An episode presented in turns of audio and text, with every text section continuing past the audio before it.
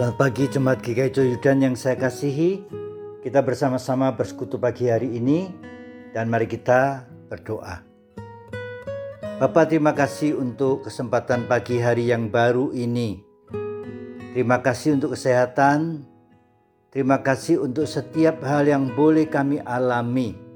Kami ingin mendengar sebagian firman Tuhan.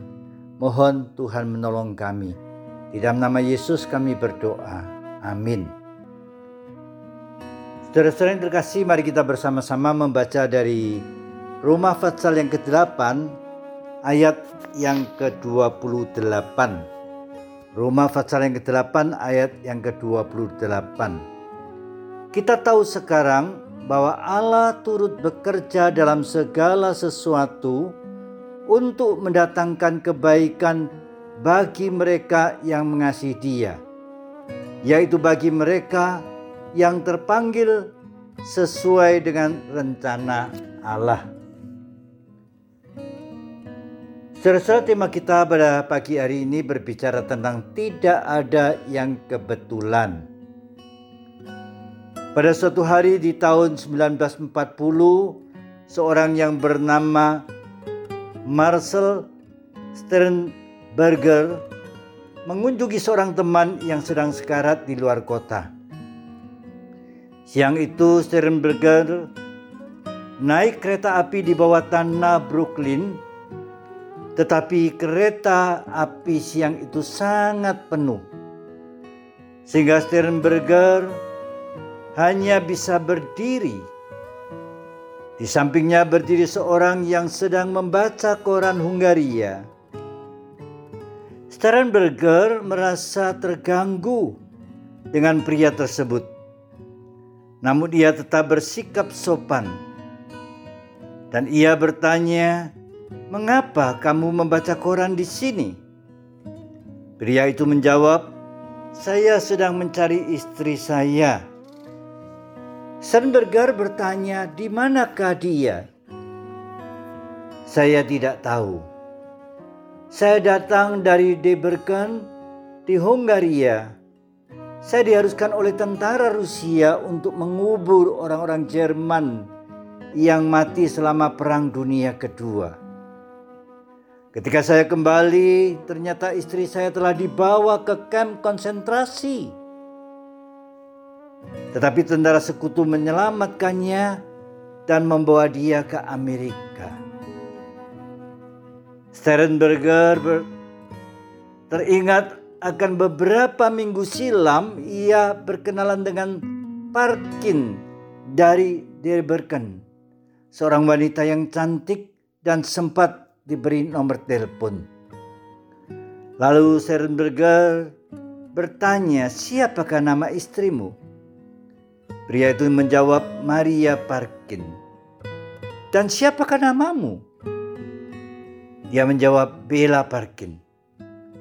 Maka Serenberger segera mengajak Parkin untuk turun di stasiun terdekat. Serenberger segera menelpon Maria Parkin dan bertanya, "Siapakah nama suamimu?" Maria menjawab, "Bela Parkin." Sternbergen berkata, "Siang ini kamu akan mengalami mujizat terbesar dalam hidupmu. Dan ia segera menyerahkan telepon itu kepada Parkin. Serba bagi orang-orang skeptis, orang-orang yang kurang percaya atau bahkan yang tidak percaya, kisah ini dianggap sebagai sesuatu kebetulan tetapi apakah kebetulan Sternberger siang itu naik kereta api di bawah tanah yang sebelumnya ia tidak pernah naik? Apakah kebetulan ia dapat tidak dapat tempat duduk sehingga berdiri di samping Bella Parkin?